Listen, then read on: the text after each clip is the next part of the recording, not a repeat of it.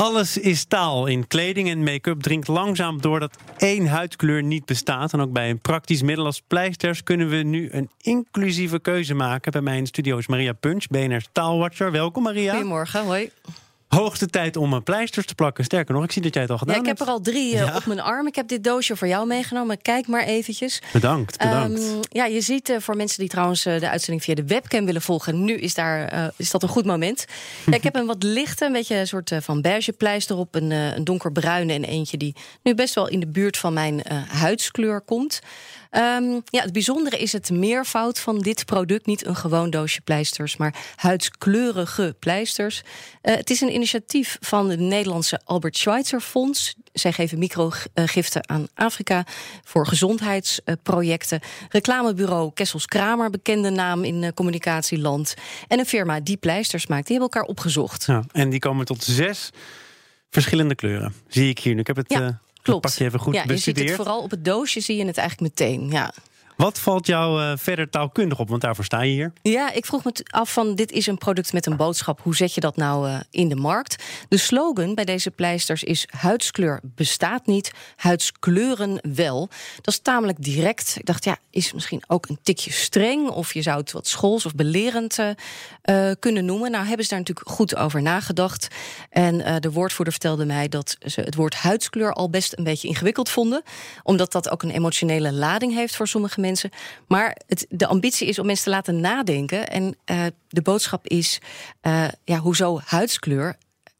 Daar is er niet één nee, van. Minstens en, zes. En dat moet je eigenlijk gelijk zien op het moment ja. dat je dat doosje met die tekst erbij uh, in de drogist ziet. Ja, liggen. ik zie ook dat er het grotere verband staat. Natuurlijk ook nog weer een Ja. woordspeling, denk ik. Ja, een subtiele, maar wel een leuke. Ja. En uh, onder die hashtag uh, kun je ook uh, op Instagram en LinkedIn de campagne vinden voor deze pleisters. En je zegt het al, het gaat om het product, maar het is ook een product met een boodschap die misschien Ja. nog wel belangrijker is. Mhm.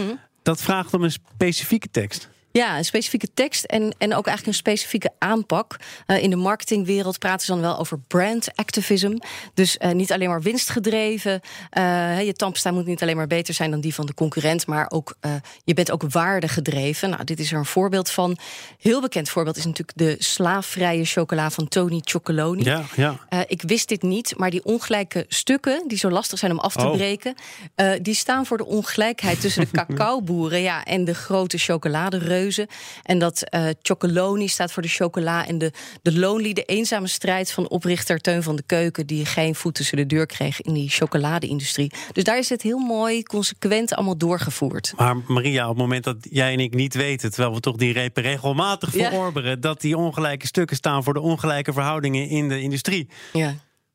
gaat het dan wel goed? Nou ja, dat het, soms is het dus te subtiel. Zoals hier ook met het grotere verband. Dan denk ik, ja, dat is wel leuk. Maar ik denk dat daar misschien niet iedereen, uh, niet iedereen op aanslaat. Uh, dus de vraag is inderdaad, hoeveel krijg je als consument mee? En uh, dat is dan eigenlijk ook wel weer de reden dat ze dat hier zo met die tekst zo heel direct hebben gemaakt. Het woord inclusief is al gevallen. Ja. Een, een moderne term zou ik willen zeggen. Mhm. Is dit doosje een inclusief product? Ja, zeker. De ambitie is dat iedereen zich erin kan herkennen. Dat er voor iedereen een pleister in zit.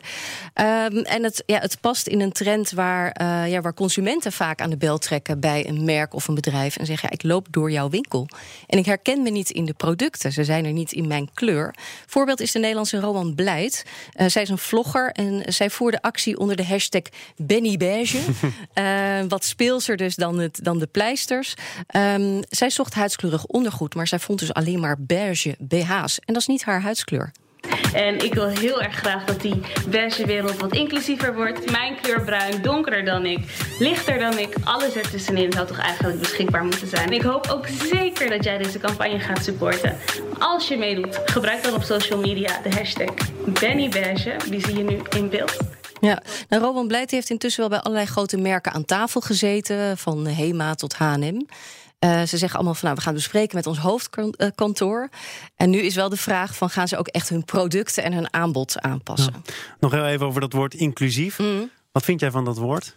Alles is maar inclusief tegenwoordig. Um, Ja, het gaat natuurlijk om wat erachter zit. En uh, ik weet dat als een woord uh, heel veel gebruikt wordt, dat het dan vaak ook een soort weerstand uh, oproept. Sommige mensen zeggen van, oh, het is weer zo politiek correct. Dat is inmiddels een scheldwoord geworden. Maar het gaat om de intentie en het gaat om wat je ermee doet. En dan vind ik dit inclusieve doosje pleisters vind ik wel een heel sympathiek initiatief. Dat vind jij. Wat vinden de klanten, de consumenten van die pleisters? Ja, over het algemeen zijn de reacties uh, positief. Uh, ook wel wat uh, Hollands zuinig af en toe. Van mensen met een witte huidskleur die zeiden: ja, die donkere kan ik niet gebruiken. Ik kan maar van dat doosje kan ik er maar vier gebruiken. Dat is natuurlijk niet waar.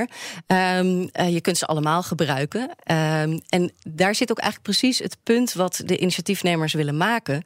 Jarenlang hebben mensen met een andere of donkere huidskleur zijn de drogist binnengelopen en zagen maar één soort pleister, niet in hun kleur.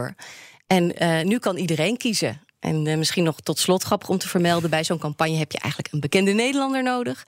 Die hebben ze ook gestrikt, uh, oud-premier Balkenende en Abu Talib, de burgemeester van Rotterdam, met pleister.